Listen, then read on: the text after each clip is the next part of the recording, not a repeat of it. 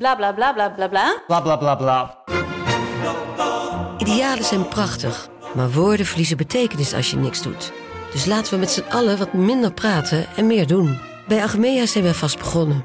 Zo gaan wij voor minder verkeersslachtoffers, gezonde werknemers en duurzame woningen.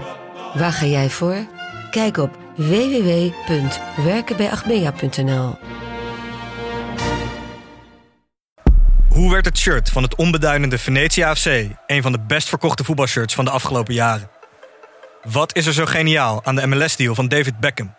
En waarom vinden we het normaal dat jeugdspelers gezien worden als investeringsobjecten? In de podcast Grof Geld onderzoek ik, Sam van Raalte, voetbaljournalist, samen met merkstratege Per van der Brink de macht van geld in de voetbalwereld. Wat gaat er schuil achter de wereld van sport en glamour? En wie profiteert er? Luister naar Grof Geld en hoor hoe de Skybox de staantribune beïnvloedt.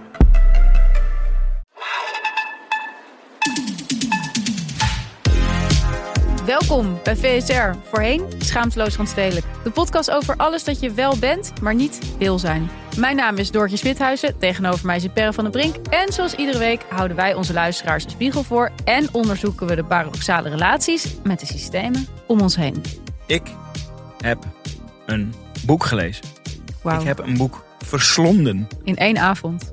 in één avond. Ik heb nieuwe boek van Doortje Smithuizen verslonden. Het heet Kapitalisme is Seksisme.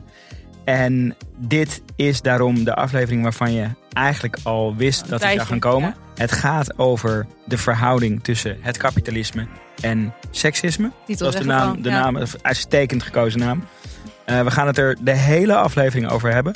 We gaan ook een stukje zelfreflectie toepassen. Ja. Ik heb mijn hele gezin geëvalueerd en mijn denkbeelden Aan flarden gescheurd. aan flarden gescheurd inderdaad. We hebben Eh. geen advertenties, want het is eigenlijk één grote advertentie voor het boek. Precies. Help Doortje met Huizen de bestsellerlijst in. Maar eerst de actualiteiten. news. Ik eh, ben heel benieuwd wat jij vindt van de nieuwe Veloretti-campagne. Ik krijg de hele... Ze weten dat ik een zwak heb voor dure e-bikes. Dat, dat, dat, dat, dat is ook Dat geen geheim. Dat is geen geheim. Nee? Dus ik krijg- word de hele tijd getarget met deze ads. We zullen er ook even eentje op de socials zetten en in de nieuwsbrief.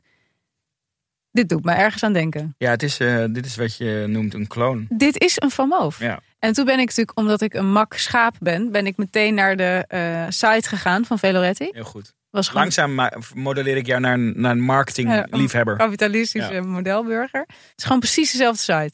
Het was echt een kopie van de Van Moof. Ja, je, Ook ik- hoe je er doorheen scrolde. En dan zo van die foto's van een fiets. En dan stond er zoiets bij van... This is the revolution. Ja. Of this is the new you. jij, kwam, jij kwam hier mee en toen dacht ik eerst van, nou, dat zal, dat zal ongetwijfeld wel enigszins meevallen. Toen hebben we het samen bekeken. Het, was inderdaad, het viel niet mee. Nee, nee, nee. Het, het, het is echt wel echt een Ik had het idee dat ze zelfs dezelfde modellen hadden ingehuurd. ja, dat, ik denk dat je dat niet kan uitsluiten. Ja, ik denk dat het toch een compliment naar Van Moof is.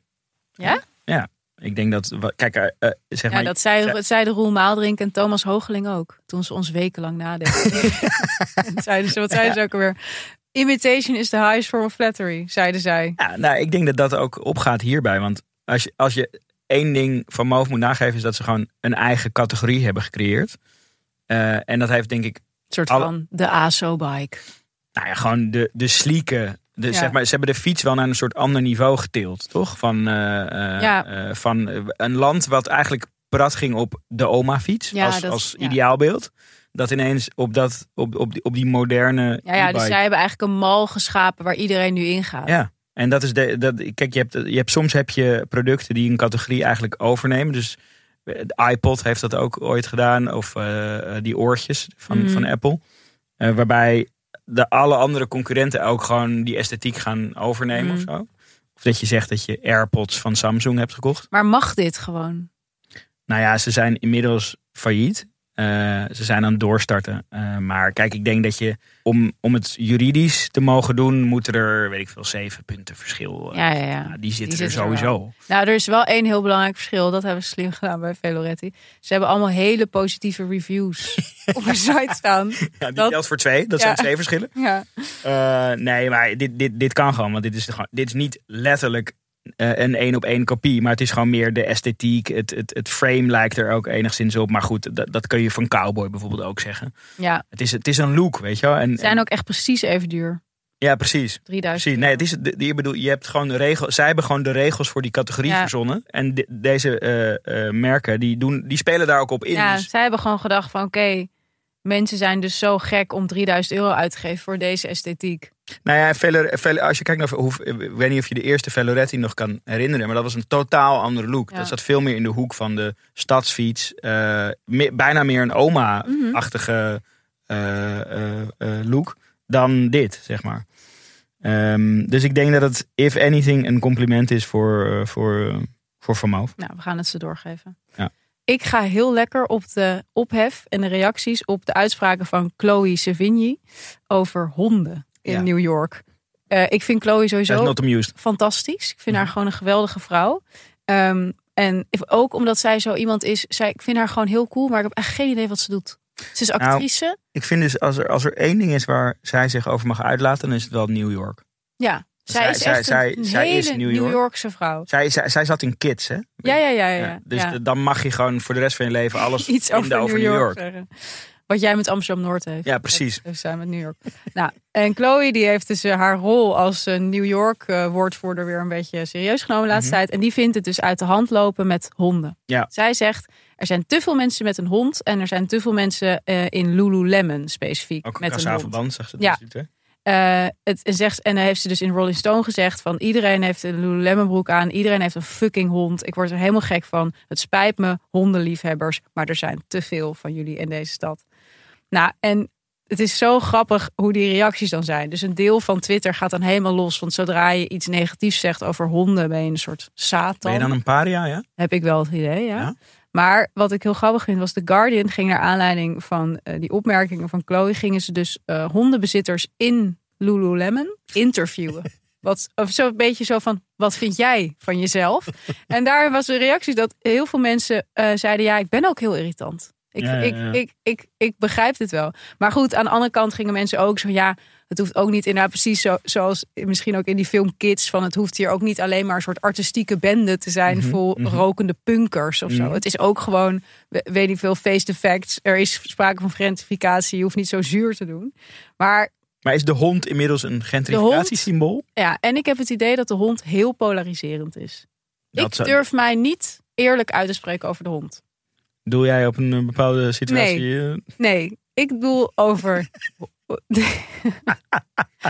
ik wil me er niet verder over uitspreken. Ik wil het hierbij laten. Ik was onder de indruk van haar moed. Is, is de hond een elite ding? Het gaat niet alleen om de honden, het gaat om de baasjes en hoe ze met hun honden omgaan. En de mate van ruimte die honden mogen innemen in naam van de baasjes. En, eh, en eh, in jouw wereld is daar... eh, jij wilt niks Jij zeggen. probeert mij uitspraken te Ja. ontlokken. Maar hoeveel ruimte is dat? Ik vind het veel. het valt mij op dat het veel is. jij, jij vindt gewoon van... Hou die hond bij je. Altijd aan de lijn. Niet in de horeca vragen om water. Bo- Misschien. Next. Nieuwe obsessie. Vertel. Eh, vind jij het leuk om te kijken naar mensen die muziek maken? Bedoel je naar een concert gaan? Oh, ja, dat is inderdaad ook een beschrijving van een concert. Nee, ik bedoel meer de productie van muziek op laptops. Eh, live? Eh, ja, bijvoorbeeld. Oké. Nou, lijkt me op niet Twitch? onleuk. Doen mensen dit. Dus die, die, die, die streamen dan... ja, op Twitch wordt gestreamd dat je gamet. Daar zit Mhm. ik tegenwoordig best wel in. Eh, mijn oudste zoon die kijkt nu naar eh, mensen die Mario Fortnite. spelen. Oh, maar ja, ja. En ik moet zeggen, ik had daar heel veel vooroordelen Ja. over. Ik vind het dus best wel leuk. Maar het is eigenlijk, dacht ik laatst, hetzelfde principe als kookfilmpjes. Ja, of dat is ook leuk. voetbal is ook leuk om zelf te doen, maar ook leuk om, om naar te te kijken. kijken. Ja. Eh, dus dat is met gamen eh, blijkt dat dus Mhm. toch... ja, ik, eh, ik vind dat Ja, het leuk. heeft gewoon iets viezigs om op een scherm te kijken naar iemand die iets doet op een scherm. Ja, het voelt toch soort van heel armoedig of Ja, zo. en vies, Eh, gewoon, vind ik het. En nu is er een, een soort nieuwe niche binnen dat spectrum. En dat eh, borduurt voort op speedrunners. Speedrunners zijn in, in de niche van gaming streamers. Mhm. zijn mensen die high speed door een level heen gaan. Dus eh, voor hen is het doel, ja. ik laat jou zien hoe je in twee minuten dit level kan Ja. Nou, erg leuk. Ook voor de korte aandachtspan aan te raden. Eh, maar die, Echt iets voor jou. ja, ja, het is echt iets voor mij. inderdaad. Anderhalve, anderhalve snelheid. Ja. Ehm, maar dat heeft zijn, zijn weg nu ook gevonden naar ehm, mensen die streamen dat ze muziek maken. Mhm. En die gaan dan nummers maken in zo snel mogelijke tijd. En daar zitten dus eh, filmpjes tussen die gewoon in zes seconden eh, gewoon een heel nummer in elkaar Oh. flansen. En, en, eh, maar dat zijn dan Maar soms ook. uit hun hoofd? Of Nee, nee, nee, ze, hebben, bedacht? ze weten ja, het dan wel. Maar dat is dan bijvoorbeeld wel een bestaand nummer. En dat Ja, je dan, ja. daar zit je naar te kijken. En het is sowieso, het duurt heel kort, dus het kost helemaal niet veel tijd. Oh, vet. Eh, en dan, eh, je hoort zo, tik, tik, tik, tik, je hoort ze zo allemaal toetscombinaties op Uh-huh. een toetsenbord doen.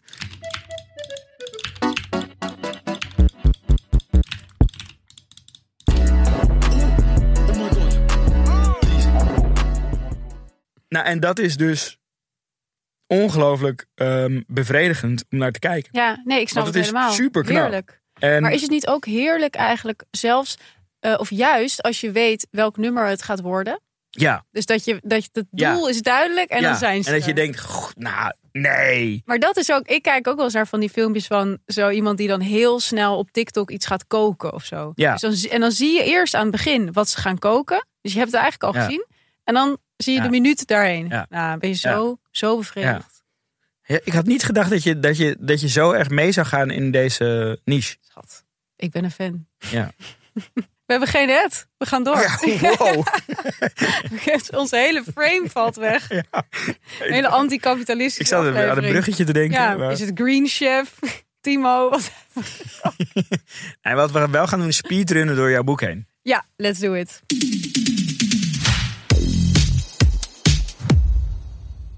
Vrijdagmiddag, afgelopen vrijdagmiddag Mhm. ehm, was ik me aan het klaarmaken voor de vrijdagmiddagborrel. Oh ja? Ja, die, waren nooit, die, Die echt nooit bij ons op kantoor vindt helemaal niet Nee. plaats. Maar goed, voor de, voor de bloemlezing was het leuk. Maar jij, jij kon niet, want jij ging eerder weg. Mhm. Ik zei, wat ga je doen? Jij zei, ik ga mijn nieuwe boek ophalen. Ja. Dat is altijd wel een heel. Dat lijkt mij. Nu altijd, ik echt doe zin in. Alsof ik zelf ook altijd Ja, een dat nieuwe boek altijd weer. Ja. Ehm, maar dat lijkt me dus heel leuk. Nou, ik had er vooral nu echt heel veel zin in. Omdat ik met deze ehm, me echt heel erg bemoeid heb met hoe het boek eruit ging zien voor het eerst. Dus heeft ik, de vormgeving gedaan. moker. Oké. En we hebben gewoon heel veel opties gehad. Wat, heb je, wat heb je gebriefd? Eh, ik heb eh, allemaal dingen van Susan Sontag gebriefd. Uit de jaren 60, Ja. 70. En dat vind ik gewoon een hele vette stijl. Mhm. Nee, ik ben heel blij met hoe het geworden is. Maar ik vond het dus ook heel spannend. Want ik wilde heel graag een klein boek. En dus met die paars-roze vormgeving en zo. Maar ja, het zag er echt... eh, Het is denk ik wel dan wat je, Ja, wat je wilde dat het was. Als je Ja, deze referenties absoluut. en de, de- het formaat van het boek. Je kan het in, je, in een, in een In- baggy, baggy broek past kan het. in je achterzak? Ja, hoor. Ja. Ja. Ja, wat dan echt nog leuk was. Na het weekend heb ik het eerste exemplaar van dit boek heb ik gekregen. zeker. Jij dacht volgens mij niet dat ik het ging lezen. Ik gaf het je als ook- aanmoediging. Ik had ook een samenvatting van mijn boek gemaakt in de tussentijd. Omdat je kan ik ook dit lezen, voor zei je. deze aflevering wist ik niet of jij het ging opbrengen. Ja. En Ehm, toen was het maandagavond. En toen kreeg ik maandagavond een foto van Dido, jouw vriendin. Dat jij toch op de En toen was je al best wel ver. Ik zat, uit. ik, ja, nee, ik, zat, eh, ik was eigenlijk eh, vrijwel meteen toen ik thuis was gekomen begonnen. En ik vond het gewoon heel leuk om het te lezen. Ehm, dus toen heb ik de rest van de avond dat. eh, oh, ik verplaats mij dan door het huis. Eh, Het begint dan eh, beneden eh, tijdens het eten. En dan op een gegeven moment kinderen naar bed. Maar dat, Mm. dat duurt bij mij altijd heel lang. Dus op een gegeven moment ben ik daarbij gaan liggen. En toen las ik dus jouw boek. Mhm. Terwijl ik naast mijn kinderen lag. En toen dacht ik van ja, dit is wel Dat een- moet voor dit- Dido ook dit, wel een uitzicht geweest zijn. Dit dat, is een look. dat je man dan naast je, naast je drie kinderen liggen met een boek waar heel groot kapitalisme en seksisme op staat. Dit is een look. En Even toen inlezen. ging mijn kapitalistische Ja. mind. Ik denk van ja, hier zit een campagne in. Ken jij het Instagram-account eh, Hot Dudes Reading? Nou, nu wel, door jou. Ja, nee, dat heb je inmiddels inderdaad Ja. gekeken. Het is eh, precies wat het, wat het zegt dat het is. Het zijn gewoon lekkere gasten die aan het lezen zijn in het wild. Eh, en ik wil niet zeggen dat ik aan dat account moest denken toen ik die foto past daar van... zo tussen, eh, Per. Ja, ik denk van... Ik, Nou, die ik hoek zou- is niet helemaal. Nee, die is, maar, niet, die is niet mijn meest flatteuze... maar Maar ik dacht van, dit is, jouw, dit is de campagne voor jouw boek. Ja. Sexy mensen die kapitalisme is seksisme lezen. Het is een lange hendel. Hij is iets langer, ja. Ehm, maar daardoor is hij dus ook nou, en jij zei ook meteen van, eh, jij zag ook hitpotentie in de dating app wereld. Dus als mannen dan kapitalisme is seksisme lezen, dat ze dan... Ja, wat zijn nou die cliché datingfoto? eh, dat, er zijn toch een aantal van die Ja, dingen met die... je moeder en zo. Ja, Ja, precies. ja. Dit is er gewoon één. Dit, deze werkt dan Daar op heb Bumble ja, maar daar heb ik natuurlijk ook heel goed over nagedacht. Ja. Toen Ja. ik het boek voor me gaf. Ja, nee, dus... dus nou ja, eh, en toen, maar goed, kijk, het, het hele gesprek gaat natuurlijk al tussen ons al dagen over de bestsellerlijst. mm, Bestsellerlijst, daar moet je een aantal boeken voor verkopen, best wel veel. ja. Eh, er, er zijn al wat pre-orders gedaan. Ik kan nog niet zeggen dat ik de bestsellerlijst al ruik, maar ik ben nog nooit zozeer in de buurt geweest als, eh, als eerder. Dus toen gingen we nadenken van, oké, hoe, Hoe gaan we dat boek nou een beetje een handje helpen? En eh, ik had dus een soort ideetje bedacht, wat heel, achteraf gezien heel cute was, van een soort winactie. En dan konden tien, nou, eh, tien eh, naar jouw VSR-luisteraars, nou, echt komen. allemaal heel medium. Toen zei jij zo van, nou, come on, dit kan veel groter. Eh, je moet gewoon een, een, een leuke venue huren en een leesclub organiseren voor VSR-luisteraars. En omdat ik natuurlijk zo blij was dat je mijn boek hebt gelezen, dacht ik, ik ga hier gewoon naar luisteren. Ik ga dit gewoon doen. Dus het idee is nu, en ik vind het echt heel leuk, want ik vind het ook echt heel leuk om weer eens een keer iets te organiseren met luisteraars van de podcast. Het idee is dat iedereen die het boek bestelt en dat doorstuurt die bestelling naar het e-mailadres dat ik daartoe heb aangemaakt. Dat is namelijk kapitalisme is seksisme at gmail.com. Ja. Het is gewoon mijn e-mail, maar dat leek me leuk voor de, voor de branding. Je wordt gewoon door jou beantwoord. Ja, het wordt gewoon verder door mij behandeld, maakt niet uit. Ehm, dan krijg je een uitnodiging voor dus die leesclub. Voor de duidelijkheid, je moet wel sta- sluitend bewijs. Je moet Van een voorwoorden dat je het Ja. boek hebt besteld de komende week. Dus tussen nu en komende donderdag. En die leesclub is op 28 maart. Ik heb locatie al geregeld. Die krijg je dan in je inbox. En eh, Lekker geproduceerd. dan kunnen we het met z'n allen over het boek hebben. Ja. Want dat is uiteindelijk wat we volgens mij moeten doen. En waar deze aflevering ook over Ja. gaat. Ja, ja, want voor deze aflevering zijn de luisteraars er nog niet bij. Dus Nee. heb ik de vrijheid genomen om een aantal passages te selecteren die, die, die ik leuk vond om Ja. te behandelen. En eh, ik heb natuurlijk lekker op mezelf betrokken. Eh, ja, dus ik wil een aantal dingen, anekdotes, passages, stukjes uit jouw boek eh, aanhalen Mhm. en ehm, met jou bespreken. Het begint, eh, zeg maar, zeg maar het, het- de timing van de release van jouw boek is best wel eh, ehm, treffend bij mij. Want als ik aan de afgelopen paar jaar denk, is mijn, mijn gezin eigenlijk steeds groter geworden. Mhm. En steeds meer uitgegroeid tot het ideaal van het kerngezin. Ja, Het ultieme kapitalistische eh, model. echt een CDA gezin. Ja, echt een, echt een balkenende-achtig huishouden. Ik ben dat. Eh, ik heb drie kinderen. Mijn vriendin is economisch afhankelijk van mij. Die studeert. Wij hebben wel een koophuis. Mhm. We hebben ook een auto. We houden ook van vakantie. Ja. We houden van leuke dingen doen. Eh, dus daar is best wel Wij veel geld. Ja. ik probeer me bijna te verontschuldigen Ja, voor, een beetje wordt vivre. alles voor de schuldig nu. Ja, ja. Maar er is, kortom, er is geld, geld nodig nodig, om dit leven te onderhouden. Dat geld haal ik binnen. Dat kost mij heel veel tijd en moeite. Ehm, eh, en daardoor zijn de zorgtaken thuis niet altijd volledig gelijkwaardig verdeeld. En dat is een bron van conflict. Mhm. Eigenlijk het, grote bron, de, het grootste bron van conflict binnen mijn eh, huishouden. ja. Dus je hebt aan de ene kant mijn vriendin die zich eh, soms ondergewaardeerd voelt in, die, in dat systeem, ja, zeg maar. Ehm, in die rol ook misschien. ja, omdat zij, zeg maar, het studeren is fulltime. Mhm. Eh, nou, inmiddels zijn er, zit er, ze, ze loopt naar het einde van die stages, zit- of, eh, van die eh, studie. Dus er zitten ook allerlei stages bij. Ze Ja. studeert verloskunde, dus moet je heel veel praktijkervaring doen.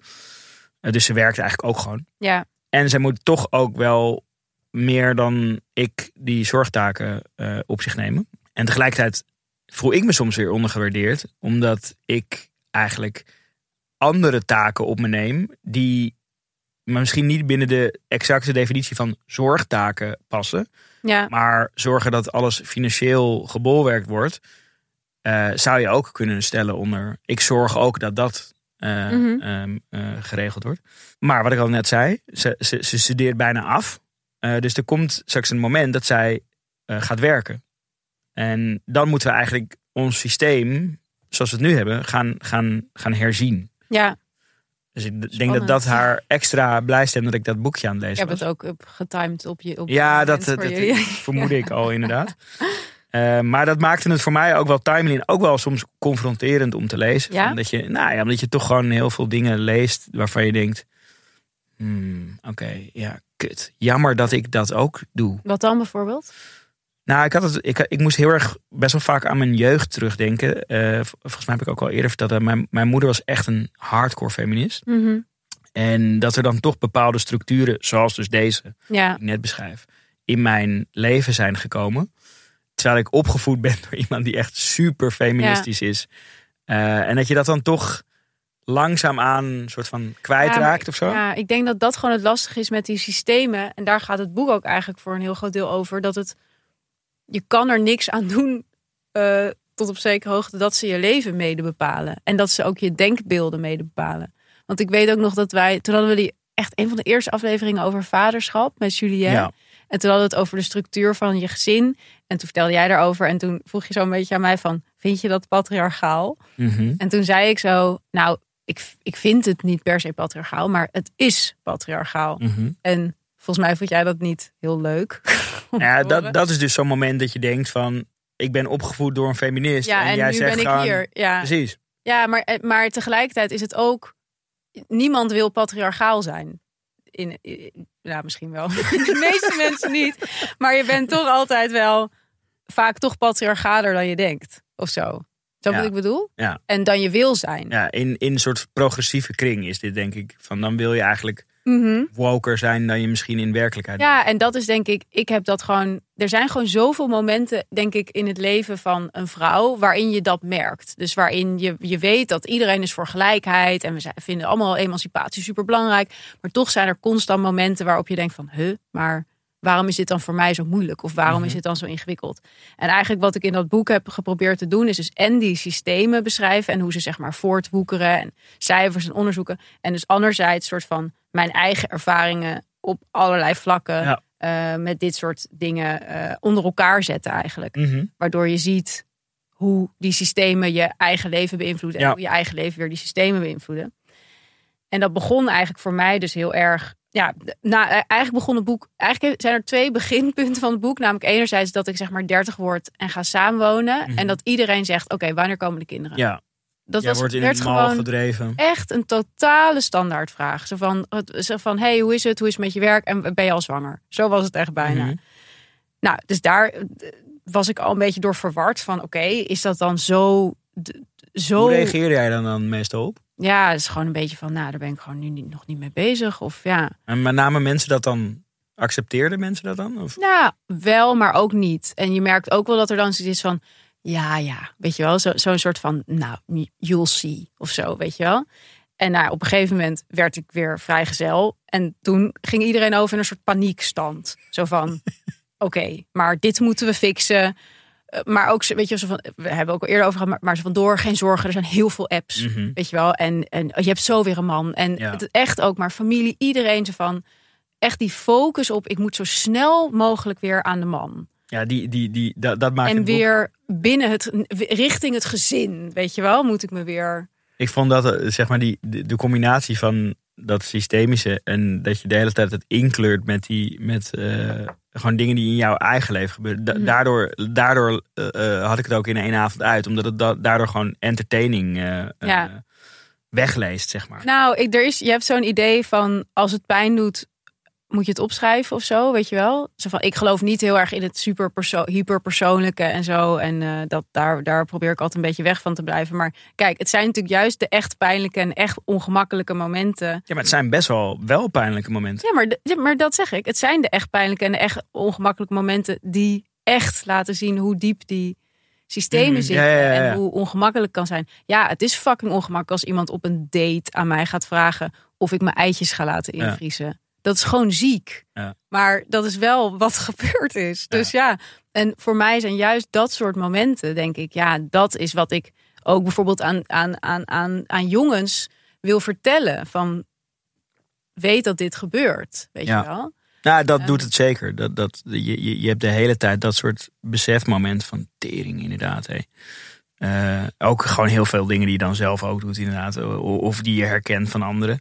En wat ik ook wel best wel schrijnend vind, je- dat je, jij haalt het, het beginselprogramma van de PvdA aan. Mhm. Eh, verschenen in 1977. Mhm. Qua vormgeving echt een absolute aanrader Ja, om ik even dacht wel dat je wat eh, leuks eh, in te duiken. Ehm, Daar schreven ze ook alles nog met een K. ja, precies. Conclusie. Maar dat lijkt ook bijna een soort stijlkeuze of zo. Weet je? Gewoon die illustraties. Het is echt, echt, ik vond het echt een heerlijk document. Maar eh, alles wat daarin staat, dus, dus, dus, dus, dus hun Mhm. idealen en hun, Nee. hun- alles wat ze nastreven en daarin beschrijven. Ja, want eigenlijk is de P van de A, die zegt dan eigenlijk, zeggen zij gewoon in 77, kapitalisme is seksisme. Ja, Zij zeggen van, en dat is ook zo, ze van ons systeem drijft op ongelijke verdeling van zorg en, eh, en werk. Dus eh, de vrouwen zorgen, de mannen werken. En daar moeten we mee stoppen. Mhm. En dat is ook, kijk, ik, ik wilde eigenlijk onderzoeken hoe komt het dat ik als 32-jarige vrouw in de 21ste eeuw in Amsterdam nog zo, me zo gepusht voel ehm, richting een traditioneel leven Mhm. eigenlijk. En dat op het moment dat je dus niet binnen die norm past, heel de samenleving voor je gevoel, veel je in de paniek is. gaat stijgeren en Ja. gaat zeggen van dit kan niet. Dit Ja, ook een soort anders. interventie wil. wil Bijna wil- wel. Ja. Ja. Maar dus inderdaad ook moeders van vriendinnen die dan vragen van... eh, Ja, heb je je eitjes al in? ja. En dan denk ik van, wat, sinds wanneer is het normaal om over mijn eitjes Ja. te beginnen op een verjaardag? Super ongepaste. Eh, ja. Maar goed, dat is wat ik eigenlijk wilde onderzoeken. En het, waar je dan op uitkomt, is eigenlijk dat het kapitalistische systeem gewoon drijft op die ongelijkheid tussen man en vrouw. In de zin van dat er een verdeling is tussen mannen en vrouwen. Mannen werken buitenshuis voor geld. Vrouwen werken thuis in het huishouden. Mhm. En dat is een idee wat een beetje ja, rond het ontstaan van de eerste staten. En vooral ook met de industriële revolutie. Hè, dat er echt veel arbeiders nodig waren. Moesten ook gewoon veel mensen geboren Ja. worden. En daar werden die systemen eigenlijk uit elkaar ge- gehaald. Of nou ja, het werd één systeem bestaande uit twee delen. Waarvan het Hoe doe je één. dat? Nou, dus het ene deel is het zorgdeel. En het andere Ja, deel is het werkdeel. En die houden elkaar in stand. Die zijn nodig Ja. eh, voor elkaar. Alleen het ene waarderen we wel met geld, en Geld, status, ja. et cetera. En het andere niet. Is er gewoon. Precies. Ja, moet gewoon. En dat is gewoon een fucking efficiënt systeem. Dus het kapitalisme is er heel veel aan gelegen om dat systeem in stand te houden. Mhm. Want het werkt gewoon supergoed en het rendeert supergoed en het zorgt voor superveel groei. Maar om dat te doen, moet er een soort idee zijn van eh, dat die status quo logisch is of zo. Mhm. Dus vrouwen moeten die, die ondergeschikte rol blijven accepteren. En hoe gebeurt dat? Nou, dat onderzoek dus ook heel erg in het boek. Is dus dat er een soort natuurlijke rol wordt toegekend aan de vrouw. De vrouw is van nature zorgzaam, moederlijk, wil alleen maar kinderen baren, thuis zijn met de kinderen. Weet je wel wat Thierry Baudet Ja. zegt van de eh, vrouwen zijn gewoon niet zo geïnteresseerd in werk en die willen gewoon lekker zo- zorgen. En mijn punt is eigenlijk in dat boek van ja, dat eh, die propaganda eigenlijk, die voel je gewoon de hele tijd. En Weet je wat ik een eh, mooi voorbeeld daarvan vond? Eh, ik, tenminste, ik weet niet of jij dat als een voorbeeld daarvan Mhm. zou beschouwen. Maar jij, jij schrijft op een gegeven moment dat je te gast bent in een talkshow. En Ja. dat is best wel eng, altijd. Mhm. En dan zit je dus in de, in de visagie.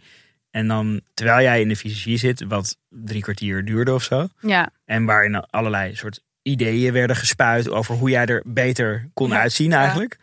Eh, komt iemand anders die met jou aan die tafel gaat zitten, gewoon naast je zitten. eh, op een, laten we zeggen, een derde van dat jij bezig bent. En die, vijf minuten later Ja. loopt hij weer weg. En eh, wat, voor mij wat, wat een soort inzicht was van, nou, ah, dat dat gebeurt, dat wist ik wel- natuurlijk Mm. wel. Dat dat veel langer bij een vrouw dan duurt dan bij Ja. een man. Terwijl die gast veel ouder is, veel meer rimpels Ja. heeft. Ja, even, hij zou eigenlijk langer in die stoel moeten zitten. Mhm. Maar dat dat dus ook iets doet met hoe jij je voelt als je daar aan tafel schuift. Dus zo van schijnbaar was het dus nodig dat jij dat er heel veel werk aan jou Nou ja, moest. maar dat is het gewoon juist ook precies door dat, door dat idee van vrouwen zijn er om te baren. Precies. en om sexy te zijn, Ja. zodat ze bevrucht en worden. dan pas mag jij iets zeggen. Precies, maar, maar dat moet je dus ook in stand houden. Dus dat, eh, daar gaat het ook voor over. Van vrouwen zijn gewoon, worden veel meer afgerekend op hun uiterlijk. Zijn daardoor veel meer tijd daarin kwijt. Maar inderdaad, heel concreet is dus zo'n voorbeeld van zo'n talkshow. Ik moet daar altijd een uur eerder zijn Ja. dan die mannen. Inderdaad, zij komen dan zo een beetje langs. Krijgen een soort paintbrush Ja. over hun gezicht. Voor het idee. En dan, ja, en dan zitten ze daar. En dan zit je inderdaad toch met elkaar aan tafel van... oké, aan mij moest eerst een uur worden gesleuteld. Ja, ja maar Nou, echt kennelijk gewoon. niet. Dat sche- schept inderdaad. En dat zijn allemaal van die kleine dingen waar je. En dat is denk ik wat, wat, wat mijn boek doet, of wat het hoopt te doen, is dat het. Het zijn ook geen dingen die je misschien niet weet of zo. Maar als je ze een keer onder elkaar zet, dan zie je hoe Het systemisch. is gewoon in- Johan Cruijff. Je gaat het pas zien als je het Als je- door hebt. Oh ja, Toch? En hij was ook tegen seksisme, denk ik. denk ik ook wel. Ja. Ja. Maar eh, waar ik dus ook een, een keer aan moest terugdenken. Dat is echt zo'n gênant moment in mijn eigen eh, carrière. Heel veel zin in een ja. moment. Ik, ik had een, eh, een meeting. ehm, en dat was, ik, ik werkte bij Vice. We gingen een platform lanceren eh, waar, waarbij de female gaze centraal stond. Eh, dat heette Broadly. ja. was best een leuk platform. ja, zeker. En we, we hadden toen een soort aftrap meeting van we hadden een editor en we gingen het hebben over de inhoudelijke eh, koers. Eh, en dan na die meeting zou, zou het gewoon beginnen, weet je. Mhm. En dan, nou, die, die hele meeting was klaar. We hadden allemaal onderwerpen bedacht. We hadden een soort, soort thema's bedacht. En zo, dat moment dat de meeting klaar is, maar dat niet iedereen nog weg is. Ja, zo de, Dan het ga je- wegloopmoment. Ja, Dat, dat, dat is toch altijd, wat zeg je dan? We- Nou, eh, zin in dit project of zo. Eh. Let's go. Ja, precies. Ja. Dat soort dingen. En toen, en toen zei ik dus op een gegeven moment dat, dat ik er ook zin in had. En dat, we, eh, dat het gewoon goed was dat we het feminisme weer een beetje sexy gingen maken. En terwijl ik dat zei, dacht ik van... Oeh, volgens mij was dit niet een hele handige uitspraak. en toen zei de toenmalige hoofdredacteur Wiegetje Posma van Vice... die zei toen van... Ja, dit, dit, dit, is, dit, is, dit was eigenlijk de reden dat we hier Ja. zaten, weet je? Eh, maar dan zie je dus dat, je, dat het zo diep zit. Dus Ja. dat, dat, dat was ook weer wat ik net zei, dat ik dan terugdenk aan mijn jeugd. Opgevoed door een feminist. En dan dat zeggen. Ja, maar dat, ik, denk dus dat, ik denk dus dat dit heel goed is eigenlijk. Als je dit eens realiseert. Want ik zeg maar, ik zou dit ook kunnen zeggen. Weet je? En dan inderdaad niet doorredeneren van. Het is super seksistisch dat vrouwen altijd sexy moeten zijn, et cetera. Weet je wel? Dus het is een soort. Het, zit, het zit zo in je hoofd. Ik had laatst ook toen we het hadden op dat. We hadden die kerstborrel van Podimo. Mhm. Ja, nu komt het. ja. En toen waren daar twee mannen. Laat ik zeggen, vrienden van de show. ja. Eh, nee, het was- waren niet de mannen waar, die je nu denkt. Het waren andere mannen. Maar en eh, toen, ehm, en die, die, die kwamen zo heel erg op mij af. Het was al wat later op de avond. En die zeiden van, wat verdien jij per jaar? Zijn wij gewoon even heel benieuwd naar. Dus ik was zo van, ah, gasten, weet je, come on, wat is het nou voor gesprek? Ja, wij vinden dat gewoon interessant. En toen, eh, ik weet niet waarom, maar toen heb ik toch gezegd. Ja. Dat ik eh, afgelopen jaar, of ik had toevallig net Zelf ook een paar drankjes op. van mijn accountant eh, of gezien waar de teller nu op stond, zeg maar. En toen bleek ik natuurlijk veel meer te verdienen dan zij. En toen gingen zij Hoe nog. ging dat erin? Ja, en toen gingen zij nog zo van. Oh, vet. Weet je wel, alsof ze dat heel vet vonden. Maar je merkte ook wel dat ze het niet zo vet vonden. Maar want- deden zij een vergelijkbare nou, en rol? zij zijn ook tien jaar ouder dan ik. Ja.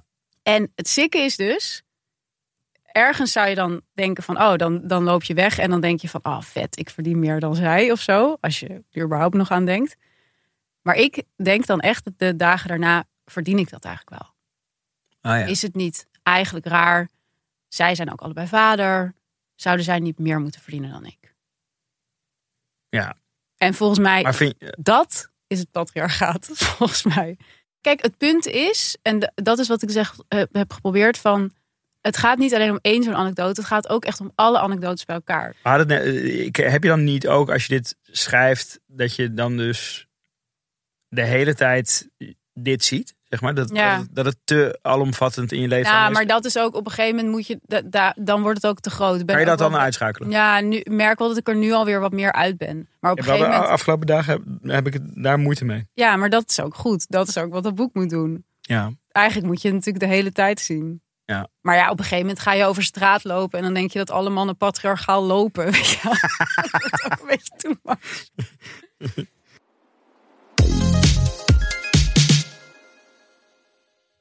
ja, je had het natuurlijk zoals altijd ook wel veel over merken Ja, en, en hun invloed. Ja.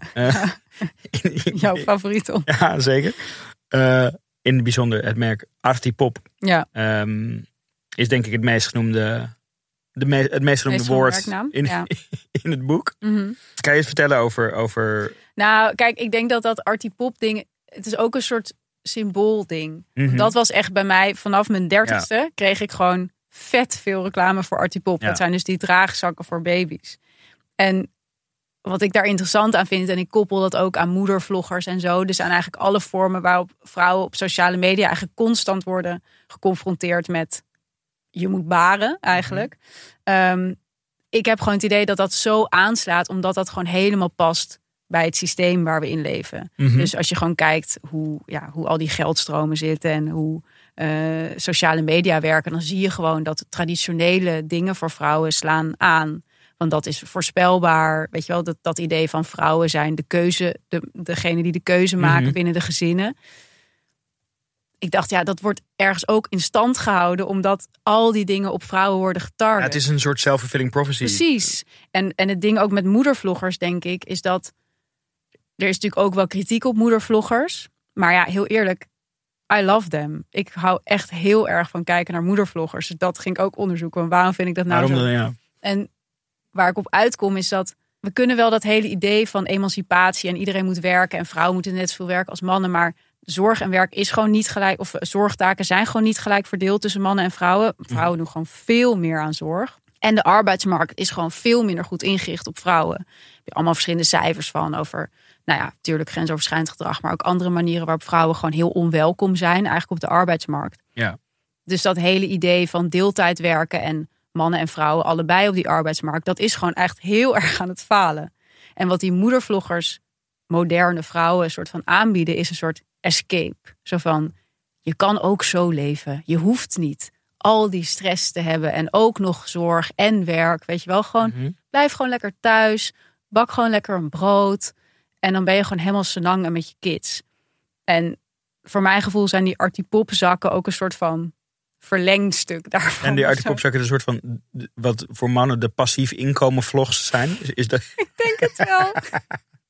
ja, ik denk het wel. Ik denk serieus dat dit het is. Dat je inderdaad denkt van, pff, al dat werk. Maar Ja. hoe chill zou het zijn Ja, om inderdaad en in Bali ja. met een crypto-account. ja, hoe chill zou dit leven zijn? En ik, ik denk dat het gewoon... Kijk, het ding is met die artipop eh reclames en zo... of met die moedervloggers of al die beelden die je ziet... het is gewoon niet politiek neutraal. Ik denk dat we heel erg doen van... ja, dat is nou eenmaal het algoritme of zo. Weet je, we doen alsof daar helemaal geen... ehm, dat helemaal geen effect heeft op de samenleving. Dat je dat Ja. constant ziet. Maar dingen die je constant ziet... die bepalen gewoon je gedrag. Ja, nee, bedoel, zeker. Dat weet jij ook. Daar is heel de reclame eigenlijk op gebaseerd. ja, en je zou dus ook andersom, kun je dus ook dat zien als een manier om dat te doorbreken, toch? Van, zeg maar, je kunt dus als marketeer ook een stukje bijdragen aan andere, andersoortige beeldvorming. Nou, ik ben dus heel benieuwd hoe dat kan. Want ik merk wel, zeg maar, ondanks dat ik geen kinderen heb, merk ik wel dat het, denk ik, ook doordat ik steeds maar geconfronteerd word met mijn rol, zeg maar, in het leven. Ik Mhm. bijvoorbeeld, als ik ga, zo- zodra ik ga samenwonen, word ik veel huishoudelijker. Ja, ja, ja, ja. Ga ik in één keer eh, hele tijd koken. Of Mhm. zo. Of, of, of zo, zo het huis gezellig maken. En daar dan ook weer stress over hebben. Weet je wel, als het dan niet zo is. Ja. Terwijl ik vraag me af of ik dat zou doen als ik niet constant die beelden zie van de ideale Ja. vrouw die dat doet. Nee, nee, ik denk dus, dus eigenlijk dat baby, dat domein van de babyspullen, eh, wat economisch gezien heel er wordt in korte tijd dan heel veel geld uitgegeven door een gezin. En de, inderdaad, de, de, de, de soort hypothese is dat de vrouw dat bepaalt, waar, Ja. waar dat naartoe gaat. En, en, en, en dus wordt, wordt ook op het, misschien ook een soort van emotionele disbalans die dan gaande is, zeg maar hormonaal, daar wordt ook op Ja, ingespeeld. totaal. Eh, eh, ook best wel ma- manipulatief. ja. Maar volgens mij zou je, zou je vanuit een marketingperspectief eigenlijk ook heel goed op die man kunnen targeten. Eh, alleen dan moet je misschien op een net andere manier hem aanspreken. ja. Ehm, je hebt bijvoorbeeld een, een, een, eh, een merk dat heet Nimble. Mhm. Eh, dat, dat is ook een draagzak. ja. Maar die draagzak, eh, wel full disclosure, ik heb, ik heb, ik heb van de er oprichter zo'n ding gekregen. Ehm, maar die draagzak is eigenlijk veel meer op een soort engineering manier Ja. ontworpen. Ik zei al, het is een beetje alsof het bij Patagonia aan draagt. Ja, precies. En, en zeg maar, voor, voor mij, die manier hoe, hoe, daar gecommuniceerd wordt, spreekt mij veel meer aan dan bijvoorbeeld zo'n artiepop. Daarvan denk ik van, oh, dit is echt... Nou ja, maar dat is het ding. Kijk, ik vind dit heel vet. Alleen al om het idee van we maken een draagzak die we targeten op mannen eigenlijk. Ja. Want dan maak je niet alleen een product, maar probeer je ook echt systeemverandering te doen. Maar het ding is natuurlijk dat, ja, kijk, ik heb die cijfers niet, maar ik kan me voorstellen dat, bedoel, die artipops gaan ook al voor 3k of zo. Ik kan Zij me zijn net nieuw. Zij, ze, ze- dus de- Precies, ik kan me voorstellen dat Artipop veel meer verdient, veel lucratiever is en daardoor Ja. gewoon veel meer gedaan krijgt, zeg maar. En dat is het punt. En daarom blijf ik maar steeds terugkomen op dat ding van kapitalisme is seksisme. Eigenlijk zou dus zo'n merk zou veel meer gepromoot moeten worden. Zo'n merk wat zich op mannen richt. Want dat is ook, dat kan ook echt iets veranderen in de samenleving. Ja. Maar dat levert niet zoveel geld op. Dus die kunnen niet zoveel ads inkopen op Instagram. Nee. Dus zien we het minder. Dus het is vicieuze een vicieuze cirkel waarin die twee, dus kapitalisme is en seksisme, elkaar alsmaar in stand houden. Ja, maar, dus de, maar ik denk dan altijd van, eigenlijk zouden de, de mar, zeg maar, hè, als het goed met je merk gaat, dan, dan, dan kun je dus ook permitteren om misschien iets meer op, art, als Artipop een gezond groeiend bedrijf is, dan zouden ze misschien een iets groter budget kunnen allokeren om zich ook op mannen, of in ieder geval op, op mannen en vrouwen Ja. eh, te richten. Kijk, ik denk het punt met deze dingen is, het belangrijkste is denk ik bewustwording. En vooral ook bewustwording van dat, ja, de problemen waar gezinnen tegenaan lopen, de ruzies die jij en Dido hebben, of de ongemakkelijkheid die ik voel eh, over bepaalde dingen, dat dat niet individueel is. Ik denk dat we leven in een super individualistische tijd. Dus die problemen worden ook heel individueel gemaakt. Weet je wel? Het wordt heel, heel erg zo van jij moet dat dan nu oplossen. En oh, ben jij gestrest door je werk? Doe een mindfulness cursus of zo, weet je wel? Of, of heb jij stress eh, over je vruchtbaarheid? Vries je eitjes in of zo. Weet je? Het is allemaal super individueel. Maar ik denk dat het heel belangrijk is dat we gewoon zien dat het heel systemisch is.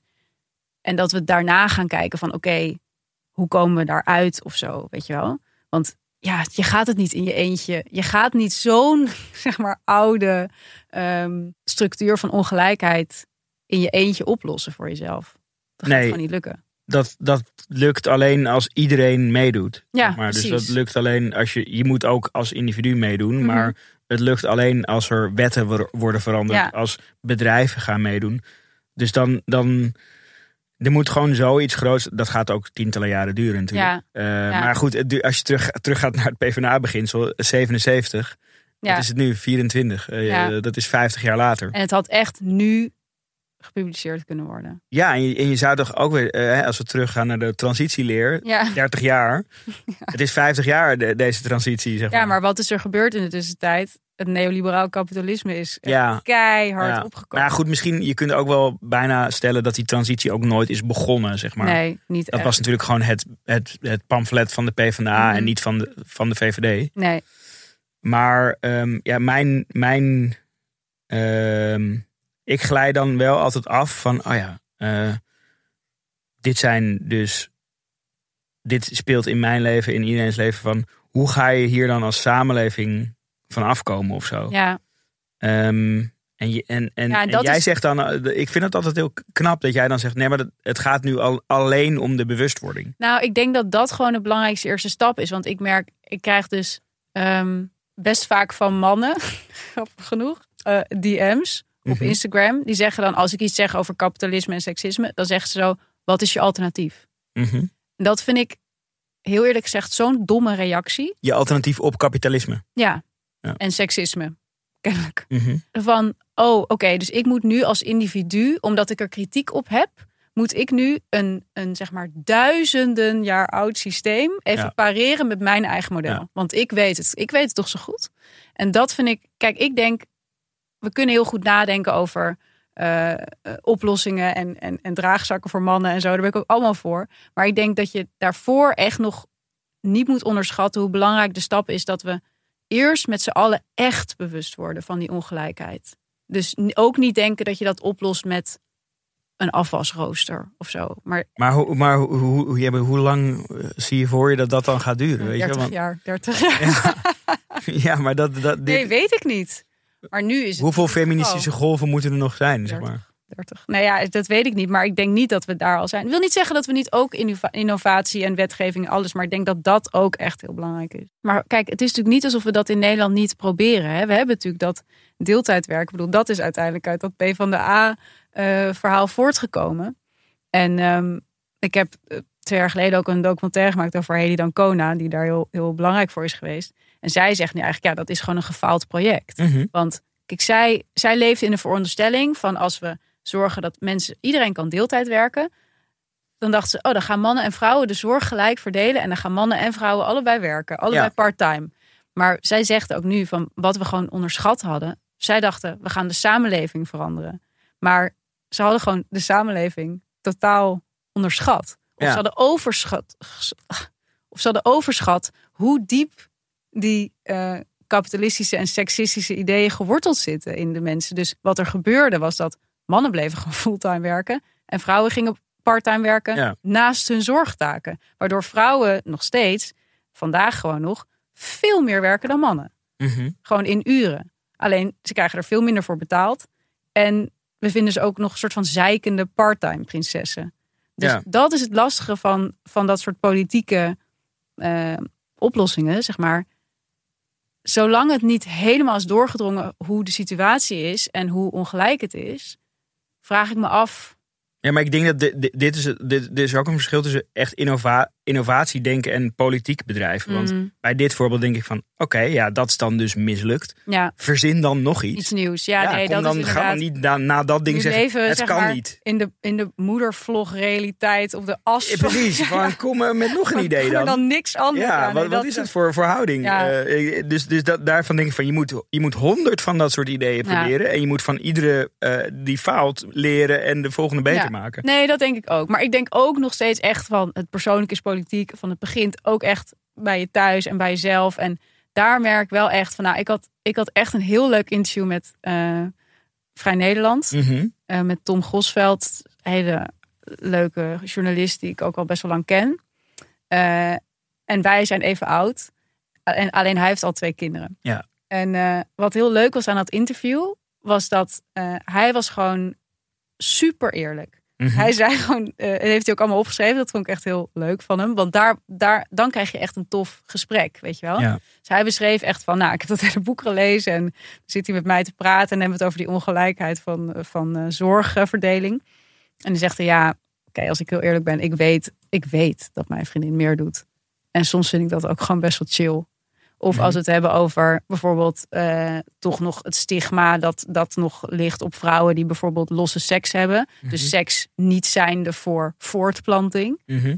Ehm, dan zegt hij ook heel eerlijk van ja, als ik heel eerlijk ben, vind ik dat ook een beetje sletten. en dat vond ik zo goed. Ik vind dat zoveel vetter dan maar doen alsof je het allemaal, we- weet je wel, alsof je het allemaal niet ziet en alsof je het allemaal niet voelt. Want we voelen het allemaal en we zien het allemaal en vrouwen ook. Dus daarom vond ik het gisteren ook zo leuk. Toen hadden we dus dat idee bedacht voor, ehm, of jij had het idee bedacht voor mijn boekenclub. Mhm. Eh, en mijn eh, hele kleine idee veel groter gemaakt meteen. Ja. En toen zei jij zelf daarna: Oh, dit is eigenlijk ook een soort voorbeeld van. Van structuren. ja, dus dat jij meteen veel groter begon te Ja, dat denken. is gewoon mijn. Ik ben geprogrammeerd om, om daar dan minder barrières in te zien. ja, om gewoon lekker groot. Wat maakt het uit? Fuck it, het regelen we wel. Ja. zien, we, zien we dan toch wel? Ja. Ik denk dan meer van ja, maar eh, gaat dat allemaal lukken? En komen er allemaal mensen zo? Weet je wel? Ja. Dat vond ik heel vet dat jij dat dan toen zelf zei. Ja. Ja, dus Echt dat ik niet zei van. ik eindigde niet met van. We moeten het tijdens dat event gewoon even een beetje sexy maken.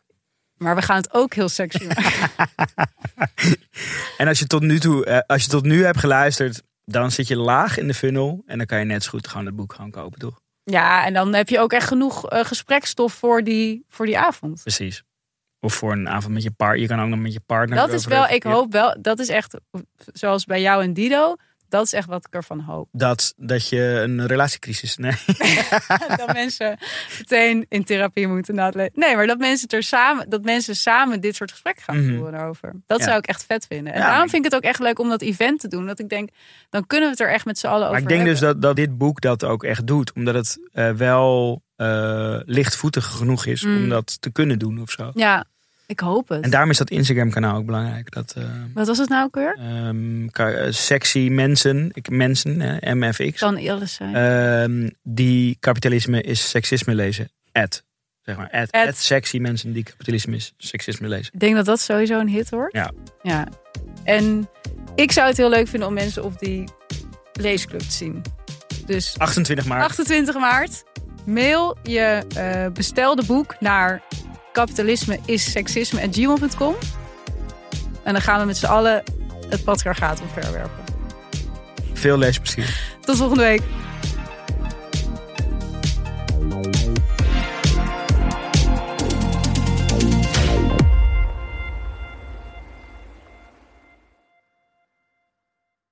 Luister nu naar de Mondkapjesmiljonairs. Een serie over de grootste mondkapjesschandalen van Europa.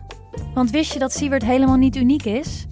De Mondkapjesmiljonairs, exclusief op Podimo. Ga naar podimo.nl slash mondkapjes.